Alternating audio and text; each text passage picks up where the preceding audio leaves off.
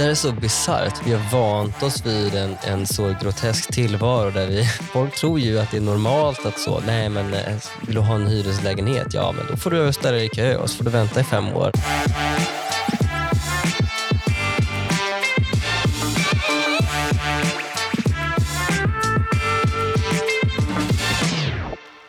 Du lyssnar på Ekonomerna med mig John Norell och Jakob Lundberg. Och idag har vi en kollega med oss, Fredrik Hopps. Varmt välkommen till Stockholm. Tack så mycket. Kul att du är här. Jättekul att vara här. Du är docent i fastighetsekonomi vid Lunds universitet och eh, senior fellow här på Timbro. Precis. Och du forskar ju om bostadsmarknaden eh, och du bor i Lund. Det gör jag. Eh, hur bor du? Äger du ett boende eller hyr du? Nej, jag bor i en ganska stor hyreslägenhet. Den är 160 Mhm. kvadratmeter och ligger i centrala Lund. Eh, Som du betalar jättemycket pengar för. Ja. Jag gör ju inte det tack vare den svenska hyreslagstiftningen. Okej, ja precis. För det här blir intressant. Nu ska vi komma in på eh, hyresregleringen. Eh, och Du är alltså en av de kränser som gynnas av detta systemet. Ja, det kan man ju nog säga, även om det finns de som gynnas ännu mer. Mm. Men Sverige har i alla fall reglerade hyror. Vad, vad innebär det? Ja, alltså att eh, hyrorna är reglerade är, är ju en ganska... Man brukar, man brukar säga det, men det, det är rätt komplicerat så som de är reglerade. Det är flera olika lagrum som styr hur hyror får bestämmas. Men det som man oftast brukar prata om är bruksvärdessystemet. Mm. Och Bruksvärdessystemet säger att lägenheten för, hyran för en lägenhet ska vara ungefär samma som hyran för en annan lägenhet med motsvarande bruksvärde. Och Med bruksvärde så menar man saker som, som hyresgäster i, i, i, allmänhet är villiga att betala för. Mm. Eh, Kvadratmeter och antal rum, och, men även liksom kvalitet på utförande i, i lägenheten. Liksom ytskikt i köket och badrummet till Mm. exempel. Och till viss del det geografiska läget. Det låter ju lite som att så här, tanken är då att eh, det låter som sådana grejer som marknaden ändå skulle värdera. Liksom. Ja, precis. Och Mm. Det har väl varit tanken när man införde bruksvärdessystemet att det ska, vara, det ska efterlikna eh, hur marknadsmässiga hyror ska vara, men det ska inte finnas en möjlighet för, för hyresvärdar att pressa upp hyrorna till en nivå som är högre än den marknadsmässiga nivån. Mm. Och Hur konkret eh, bestäms liksom hyror genom det här systemet? då?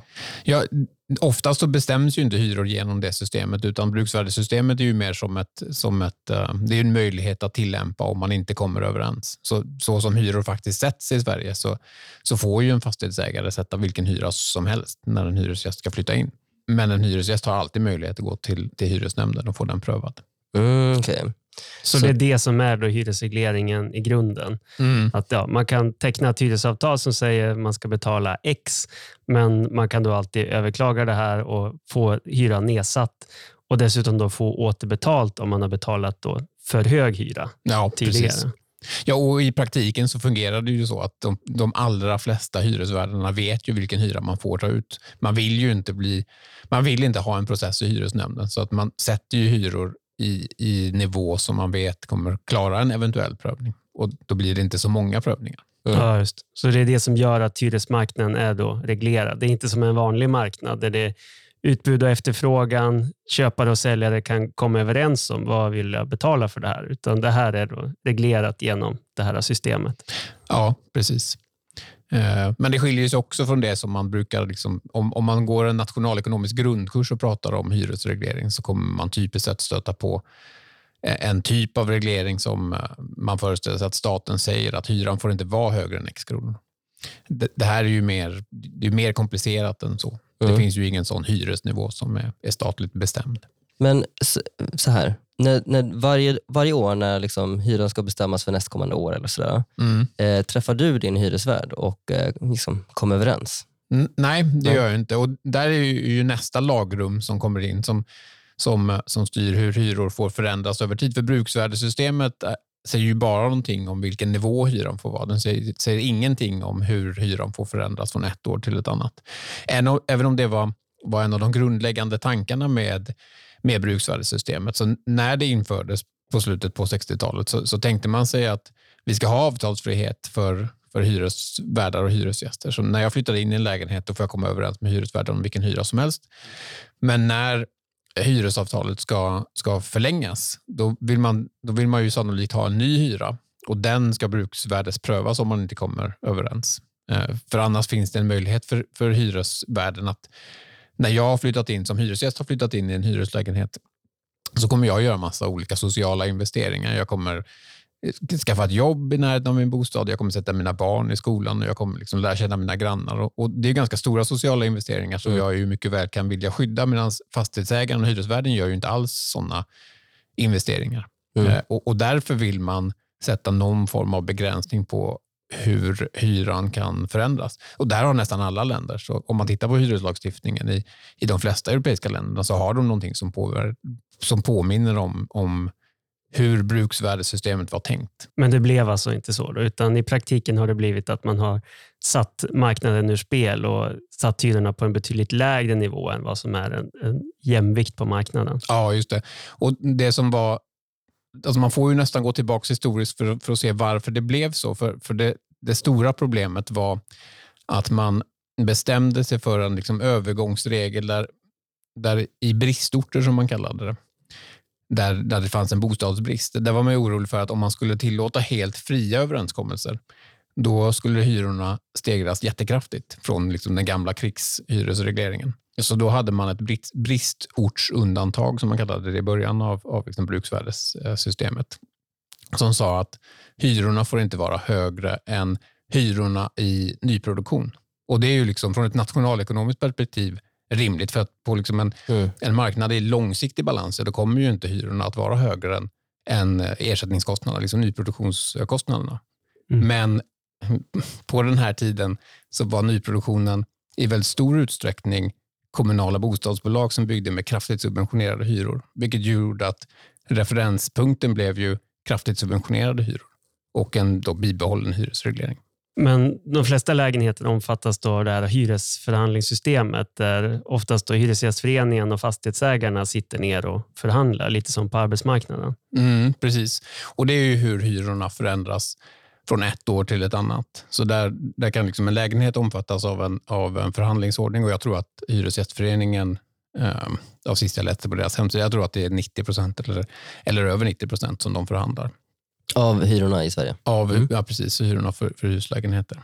Um, och De är ju lokala, de här förhandlingarna. Så, så det, det sker ju liksom med, oftast med, med organisationen fastighetsägaren, men man kan ju också eh, ha andra liksom representanter för, för fastighetsägarna. Och fastighetsägarna kan ju också de kan förhandla själva om de, om de vill det. Eh, men det är en tjänst man kan, man kan då köpa av, av organisationen fastighetsägarna. Mm. Och De här förhandlingarna de är helt fria. Det är två helt jämbördes parter som, som sitter och förhandlar precis som vilken annan förhandling som helst. Mm. ja. Retorisk fråga. Precis. Det, det brukar sägas att Hyresgästföreningen har ett veto i de här förhandlingarna. För att de, om man, de, de, som jag har förstått att de går till, jag har aldrig själv varit med på en sån förhandling, men då är det att eh, fastighetsägarna kommer med ett, ett första bud och Det kan vi till exempel se nu. Det har de gjort uh, väldigt publikt i år. Det brukar de inte göra, men, men på grund av liksom kostnadsökningar så, så är ju det yrkande de gör i år ovanligt högt. Så i år så yrkar de på, på 10 procent höjning på ganska många ställen runt om i Sverige. Uh, mycket har stigit i pris och det har naturligtvis hyresmarknaden är inte ett undantag. Mm. Så i år har man liksom yrkat och gjort det ganska publikt, så det har kommit ett antal olika debattartiklar lite här var. Uh, och sen så så, så kommer det här att liksom förhandlas med Hyresgästföreningen. Då kommer Hyresgästföreningen säga, och det har de väl också redan gjort ganska publikt, att 10 procent är alldeles för mycket. Och då så kommer de med ett motbud och sen förhandlar man fram och tillbaka. Um, men om förhandlingarna bara helt bryter ihop, ja, men då, då är ju liksom default-alternativet äh, blir ju noll. Det blir ingen hyreshöjning. Samma hyra mm. som förra året? Ja, just det. Eh, eller då att man går in i en bruksvärdesprövning. Och där finns ett, ett, ett ganska intressant eh, moment 22. Eh, där eh, Förr brukade det vara så att när man gör en bruksvärdesprövning så behöver man ha liksom en referenspunkt. Så du behöver ha, en, du behöver ha liksom en, en lägenhet som du kan pröva bruksvärdet mot. Eh, hitta en annan lägenhet för, som du vill se, vad, vad är hyran för den lägenheten för att kunna bestämma för den, den lägenheten du prövar. Liksom. Förr så brukade det vara så att man prövade mot de kommunala bostadsbolagen. Men det får man inte längre göra. Och efter att man tog bort möjligheten att pröva mot kommunala bostadsbolag så har man istället infört en möjlighet där man prövar mot lägenheter som har förhandlingsordning. Ja. Det vill säga... det, det system som man ville komma ur då egentligen. Det system där förhandlingarna precis brakade samman. Precis. Vänta så... lite nu, för nu, det är så himla många delar här nu. Eh, allting kommer ner till bruksvärdessystemet, men bruksvärdessystemet eh, går tillbaka till hyresförhandlingsordningen då igen. Ja, så de är ju ihopkopplade, liksom, mm, de här mm. två systemen. Men så... Eh, om jag bara får fråga. Eh, när när eh, hyres, Hyresgästföreningen och eh, fastighetsägarna då sitter och ska förhandla och så säger fastighetsägarna, nej men vi måste höja hyrorna med 10 procent. Mm. Och Hyresgästföreningen vet om att så här, om vi bara säger nej och allting brakar samman, då blir det samma hyror som förra året. Var, varför har de något som helst incitament att säga okej okay till någon hyreshöjning någonsin överhuvudtaget? Nej, alltså det, det skulle ju, jag tror att systemet skulle ju inte vara långvarigt om man aldrig fick höja hyrorna. Då skulle det inte finnas någon möjlighet för, för täckning för, för kostnader. Och det är det man har sett med liksom tidigare strikta hyresregleringen som man hade under liksom andra världskriget. Det gick ju snabbt att, att bostadsbestånden bara helt förföll och hus började liksom rasa ihop. Och det, kan man, det går ju liksom inte. Så de, de vill att fastighetsägarna ska överleva, men inte mer än så kanske? Och, så man, man, man medger alltså ändå lite, lite hyreshöjningar. Mm. Just för att så här, man vill skydda systemet. Man vill skydda kanske sin egen position. Ja, precis. Och, när man inte kommer överens, så blir det ju också då blir det bruksvärdesprövning. Jag vet att fastighetsägarna i, i Göteborg för några år sedan, de, de um, om det kan ha varit för att liksom aktivt visa absurditeten i systemet, så, så um, valde de att låta alla förhandlingar gå till bruksvärdesprövningar. Mm. Och, och, det är ju om det, vad kan det vara, liksom 100 000 lägenheter. Och en bruksvärdesprövning är ju, den är ju individuell. Man, det är inte så att man prövar vad är bruksvärdet för lägenheter i Göteborg, utan det är ju bruksvärdet, vad är bruksvärdet för lägenhet 1? Ja. Och sen så får man göra det 100 000 gånger och det går ju liksom inte. Det, hyresnämnden kan ju inte hantera 100 000 ärenden. Det, det går liksom inte. Så då visar man ju på absurditeten i det systemet. Och, um, det finns ju också, jag tyckte när vi hade valet 2000, uh, 2018 då var ju hyresfrågan uppe. Den hamnade ju också i, eh, i, ehm, i januariavtalet. Och där fanns det ett intressant citat från en förhandlare på Hyresgästföreningen som, som, sa att, eh, som förklarade den, den höga hyresförändringen just det året som var ungefär dubbelt så hög som de, de brukar vara. De hade legat under 1 procent, men nu var den liksom närmare 2.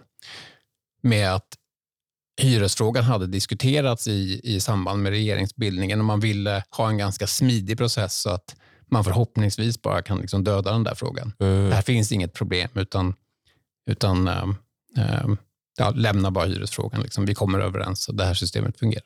Man vill, man vill minimera chansen att det blir en politisk fråga så därför medger man en, en viss del av äh, hyreshöjningar ibland. Mm. Men på sikt så leder det ändå till en press neråt i, i hyrorna i samhället. Ja, precis. Alltså, det, är ju, det, det, största problemet skulle, skulle jag säga är, är ju hur eh, eh alltså själva ursprungsnivån, den har ju alltid varit väldigt låg.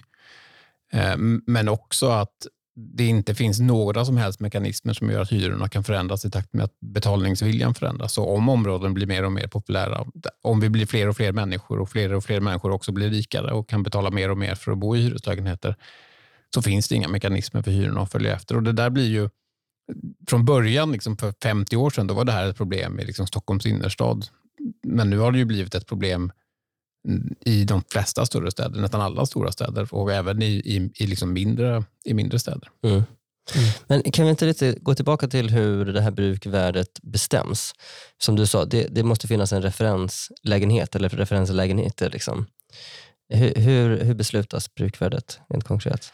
Ja, om man gör en bruksvärdesprövning så, så har man, då, då tittar man efter jämförbara lägenheter. Ehm, och så får man, får man försöka hitta en lägenhet som är så lik lägenheten som du är intresserad av att göra en bruksvärdesprövning för som möjligt. Ehm, och Det är det hyresnämnden gör. Mm. Men i övrigt så har det här också tillämpats. Alltså det finns ju mer lokala exempel där man har tagit fram liksom prislistor för för enskilda eh, attribut i lägenheter. Och Det är väl det som nog brukar lyftas mer i, i diskussioner. Eh, något sånt exempel som jag läste om någon gång är en, en kryddhylla från, eh, ehm, från Ikea som man hade. Alltså då har man en sån väldigt detaljerad prislista över vad olika saker får, får innebära för, eh, för uh, hyresökning. Och Då var det en kryddhylla från Ikea, för mig den kostade 39 kronor på Ikea. Om en fastighetsägare satte upp den i lägenheter så fick man höja hyran med om det var något sånt här 10 eller för alltid. Då. Så det, det, blir ju, det är ju klart att det är jättelönsamt att sätta in sätta in sådana. Handdukstorkare är ju ett annat sånt typexempel som brukar lyftas. Ah, det är därför alla har det i sina... ja, precis. För det, är en, alltså det blir ju en... Eh, som exemplet med kryddhyllan, det, det, är ju, det betalar ju av sig på fyra månader och sen så får du fortsatt liksom mm. 10 kronor. Så att, alltså värdet av att sätta in den är ju kanske 500 kronor och det kostar, kostar 50 kronor. Ja, så mycket konstiga konsekvenser av den här regleringen. Ja, precis. Fredrik, om du skulle sammanfatta hyresregleringen i, i liksom, på 30 sekunder, det du jag liksom precis har gått igenom. Ja, just det. Mm. Ja, så då har vi liksom ett system som gör att fastighetsägare, även om de skulle kunna sätta vilken hyra som helst, så, så, så gör de ju inte det för att den där hyran kommer att prövas i hyresnämnden om en hyresgäst flyttar in och den är alldeles för hög.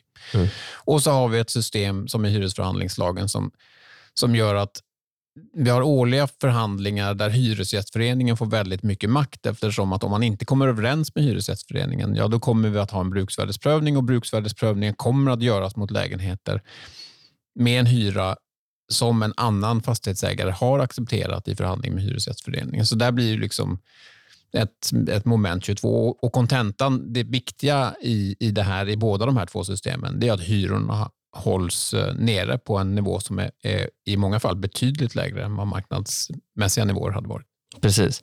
Bruk, brukvärdet är lägre än marknadsvärdet. Ja, absolut. Och så är det ju i, i de absolut flesta eh, orterna, även om det har, har liksom funnits exempel, nog finns exempel där, där bruksvärdeshyran också är högre än vad marknadsmässig hyra hade varit. Mm.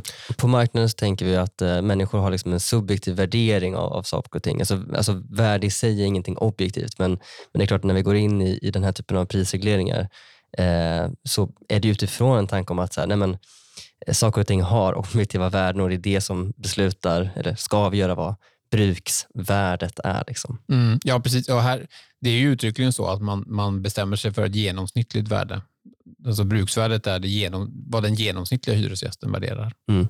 Men om vi går in på konsekvenserna då. Mm. Um, okay, hyrorna blir lägre än vad som skulle satts på marknaden. Um, och Det här låter ju bra om man är hyresgäst. Mm. Varför, varför är det här inte toppen då?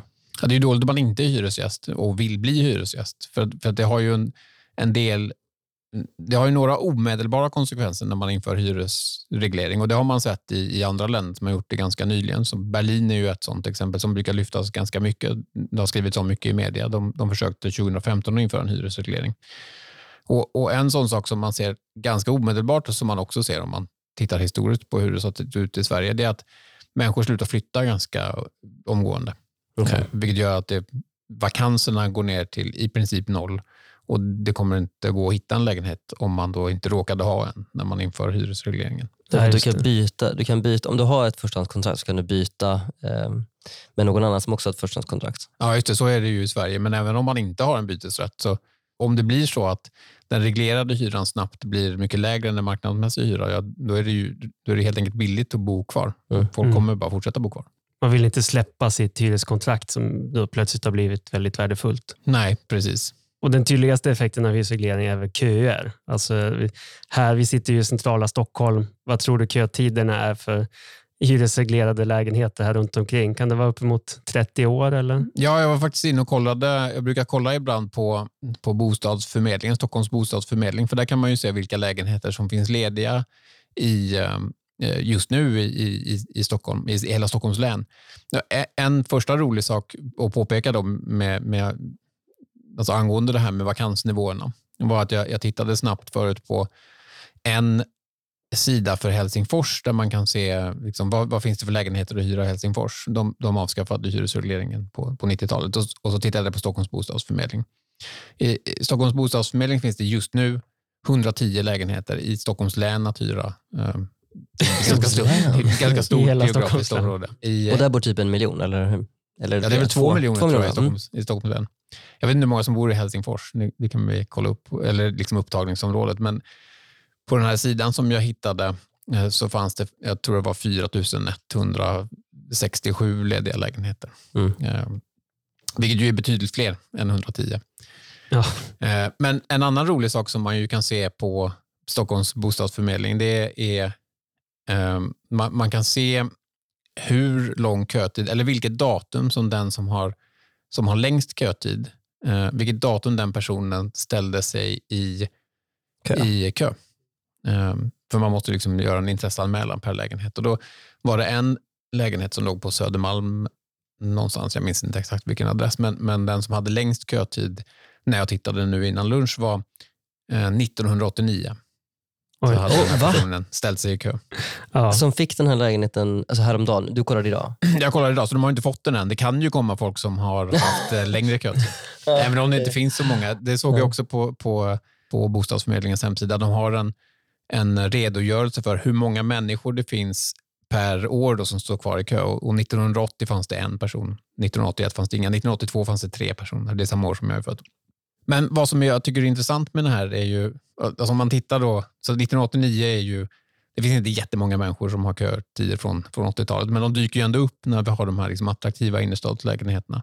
Det finns väldigt många människor som har kötider från, från 90-talet. Ehm, och man måste ju vara 18 år gammal för att ställa sig i bostadskö. Mm. Vilket ju gör att du ska, om du behöver ha ställt dig i kö 1989, då måste du ju vara född 1971 eller tidigare för att ens ha haft möjlighet att, att göra det. Så de är runt 50 år, eller vad blir det? Ja, de blir ju Ja. 50 och, och uppåt. Ja. Eh, Så det, är ju, det börjar väl gå så att det är en, ja, men en majoritet av Sveriges befolkning måste ju vara yngre än så. Va? Och är helt utestängda då från hyresrätter i, på attraktiva adresser i Stockholms innerstad. Ja, precis. Ja, genom kö i alla fall. De, det finns väl andra sätt som de kan försöka ta sig in. Ja, det är klart. För det det, det kokar ner till rent nationalekonomiskt är ju förstås att när vi reglerar hyrorna då blir det en stor efterfrågan på de här billiga lägenheterna förstås. Mm. Samtidigt som utbudet är mycket mindre. Så att det är liksom, efterfrågan är större än utbudet och då Mm. måste man ju ha någon sorts annan mekanism att fördela det här om man inte kan använda prismekanismer genom hyresnivån. Och Då blir det ju då, ja, köer till exempel. Mm. Så vi har långa bostadsköer och det är svårt för personer som är under 50. Ja, okej. Även om man är under 50 kan man ju kanske hitta någonting, men då inte i centrala Stockholm i alla fall. Även kanske de som har flyttat eh, hit från andra länder har också svårt att kunna hitta någonstans att bo. Mm.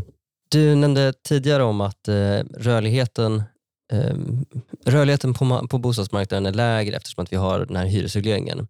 Men, men också var vi inne lite grann på det här med att man kan ju Eh, det finns, ju, det finns ju dels att man kan få en hyreslägenhet genom att eh, man står i kö väldigt många år, eller så kan man byta. Hur mycket, hur mycket sker liksom rörlighet mellan eh, olika hyreskontrakt? Man brukar prata om, eller man, Hyresgästföreningen har visat i, i någon rapport, och jag tror att det var i våras som de senast gjorde det, att rörligheten är, är ganska god på hyresmarknaden jämfört med, med, med ägarmarknaden. För ofta så brukar man ju säga att rörligheten blir, blir, blir jättedålig när man inför en hyresreglering. Jag sa också inledningsvis att det man, det man ofta märker tidigt är att folk helt slutar att flytta. Och det gör de om de inte har möjligheter att flytta. Men, men om man också ger dem en bytesrätt, ja, då kommer de ju börja att, byta med varandra. Och om man har, som, som vi har idag, flera olika internetsajter där man kan lägga upp sin lägenhet och hitta någon annan som vill byta och, och i liksom komplicerade triangelbyten, ja, då har vi också ganska låga transaktionskostnader att byta. Så då kan vi förvänta oss, förvänta oss att vi har ganska många byten. Men det som är viktigt tycker jag när man pratar om rörlighet på bostadsmarknaden, det är ju att man jämför liksom äpplen med, med äpplen och inte äpplen med päron. För, för om man tittar på rörligheten på hyresmarknaden så säger man att ja, men den är ganska hög. Men så består den i princip endast av människor som har hyreslägenheter som byter med varandra. Då är inte det samma sak som att titta på bostadsrättsmarknaden och säga att ja, men rörligheten här är ungefär lika höga. För på bostadsrättsmarknaden så, så, så krävs det ju inte att du äger en bostadsrätt för att köpa en annan. Det finns ju liksom inget, det finns inget Hemnet för de som äger bostadsrätter där det finns massa, massa lägenheter som bara de får köpa. Nej. Så det, är är du väl inne i marknaden, eh, hyresmarknaden, då är, du, då är det supernice. Mm. Då är det lätt att och ändå, ja, vill man flytta. Eller Mm. lätt och lätt, jag vet inte. Hur lätt är det? Det beror ju lite på vad man har för lägenhet tror jag, om man, om man ska byta. Men, men det sker ju ganska många byten. Så att det, eh, och det är betydligt vanligare, om man ser på Stockholms innerstad, så är det ju vanligare att en lägenhet får en ny hyresgäst genom byte än att, att eh, den nya hyresgästen kommer genom, genom kön. Jag tror att det är, det är ett hundratal hyresrätter i centrala Stockholm som förmedlas genom kö varje år. Mm. Och hur många är det som kommer från eh, bara byten? Liksom? Det minns jag inte exakta siffran, men det är ju, det är ju över det är ju tusental räknat. Så att det, det blir liksom ett slutet system där, där de som är inne i värmen, insiders brukar man ju säga, som då på något sätt har lyckats komma över de här attraktiva förstahandskontrakten. De håller då fast vid de här för, för kung och fosterland. Man vill liksom inte släppa det här förstahandskontraktet när man väl har det. Mm. Eh, Eller då byter man till ett annat lika attraktivt förstahandskontrakt. Men att det är väldigt sällsynt att man faktiskt släpper kontrakt till folk som står utanför, som står i kön. Precis, alltså det är ju de riktigt attraktiva lägenheterna. Det är väl i princip plötsliga dödsfall där man liksom inte har kunnat förutse att, att liksom mormor som bodde i lägenheten skulle dö. För kan man förutse det så kan man ju också, ett barnbarn kan ju alltid skriva sig på lägenheten och ta över hyreskontraktet.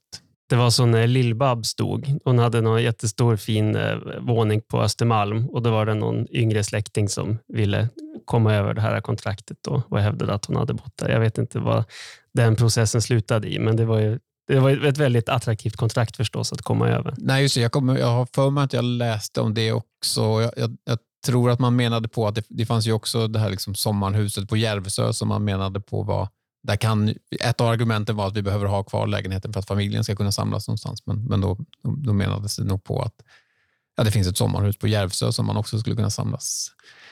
eh, De klarar sig. Mm. Men absolut, alltså det, är ju, det är ju stora värden i, eh, i hyreskontrakten så folk kämpar ju naturligtvis för att få, för att få behålla dem.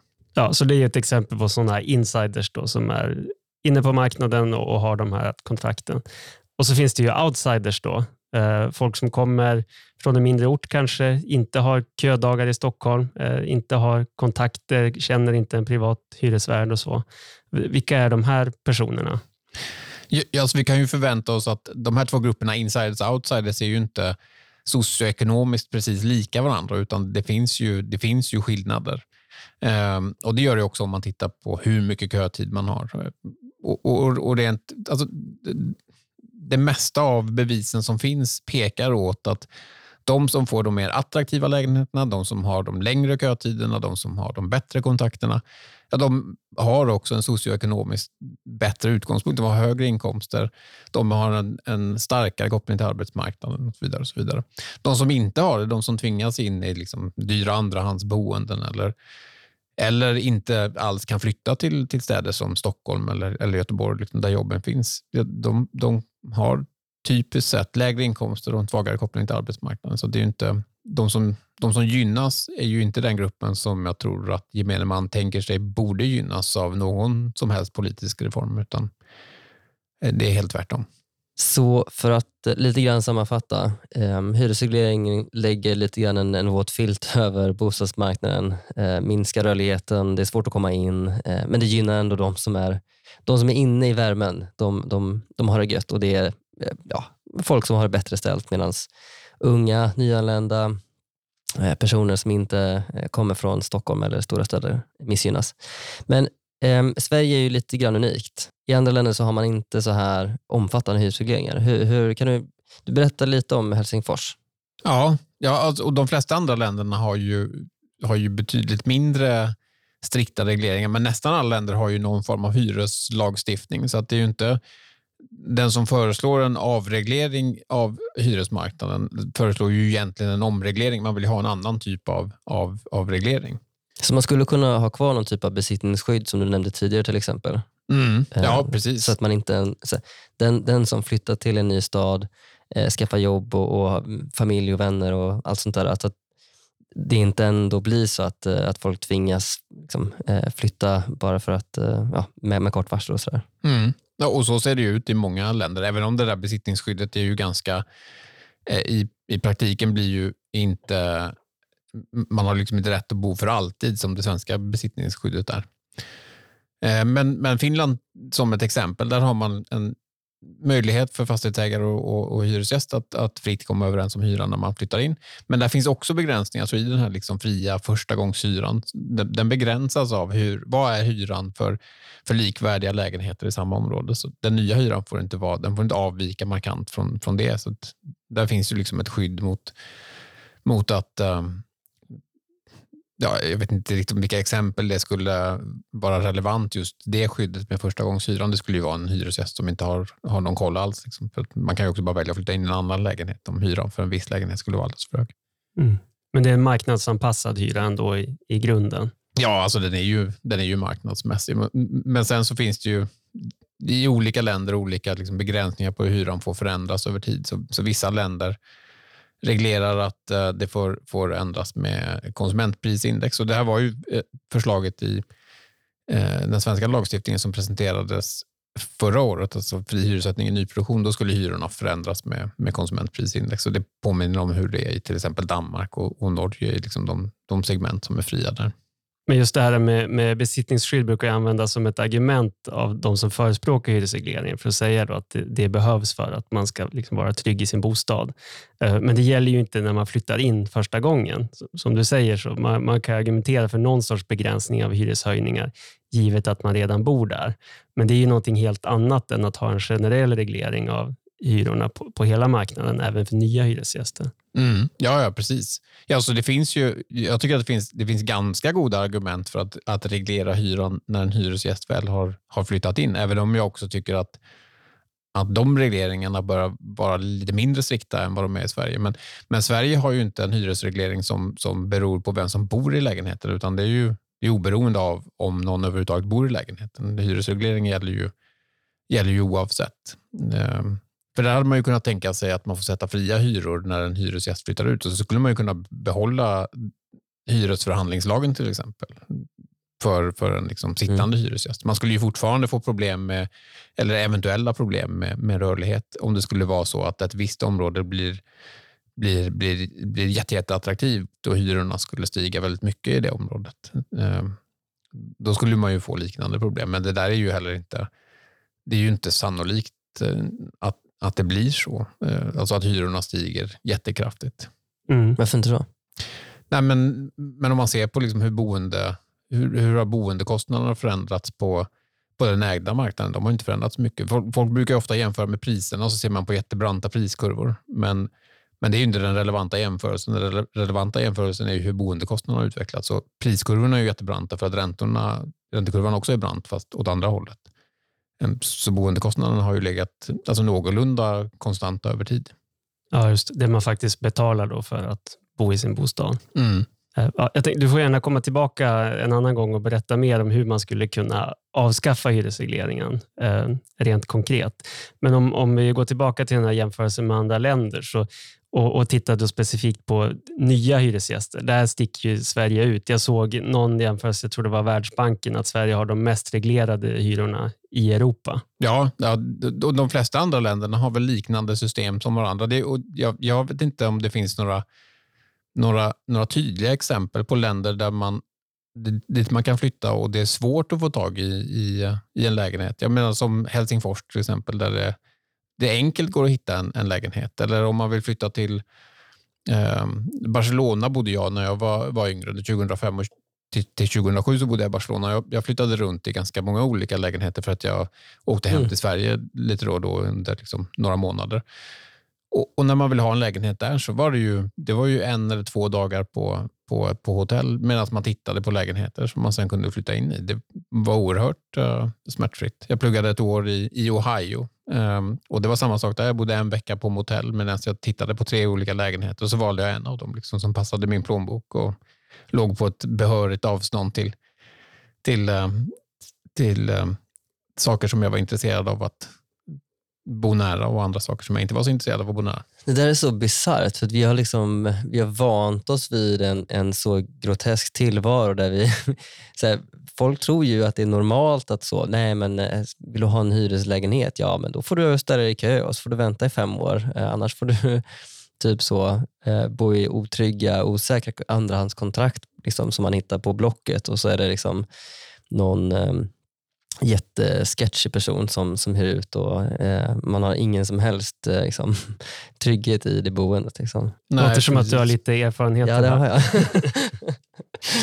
jag pratade inför en, en um, någon ungdomsorganisation i, i eh, somras där det var, det var unga människor som kom från eh, dels alla de nordiska länderna men även från, från Tyskland.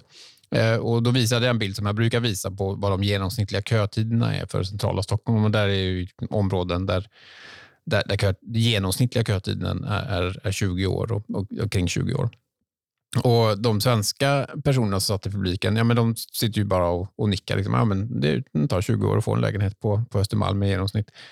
Människor från andra länder är ju helt perplex över hur det kan vara så här. De undrar ju, hur, hur kan politikerna få sitta kvar? Hur kan inte statsministern få avgå Gud. det här systemet? Eh, och Då är det ju så att i Sverige fick statsministern avgå för att man försökte införa ett system som eventuellt skulle kunna lösa de här problemen. Nu har vi ändå gått igenom en, en del av konsekvenserna av hyresregleringen. Um, att uh, hyrorna blir lägre än, än vad de hade varit annars. Um, vilka det gynnar. Att det gynnar de som är inne på marknaden, som är Mm, ja, relativt mer välbeställda än de andra eh, som står utanför. Um, och även att eh, Sverige är ganska unikt internationellt sett. Eh, men det, här, det finns ju mycket, mycket annat så vi, vi ser fram emot att eh, du Fredrik får komma tillbaka eh, fler gånger. Men om man nu är nyfiken på att lära sig mer om hyresregleringen med en gång, vad ska man läsa då? Ja, jag skrev ju en, en, rapport för, för ett år sedan som heter Hyresregleringens prislapp som finns på timbro.se som, som, som jag själv tycker är spännande, som går igenom en, en rad olika konsekvenser och också samhällskostnaden av, av hyresregleringen. Ehm, sen kan man också söka min utbildning som heter Bostadsboost som är en helg i december. Mm. Där man kan få lära sig mer om bland annat hyresreglering men också andra saker. Och Den hittar man också på timber.se? Den finns på timber.se och ansökan stänger 6 november. Mm, suveränt. Och vi ska även tipsa alla ni som lyssnar om Timbros utbildning Sturakademin också.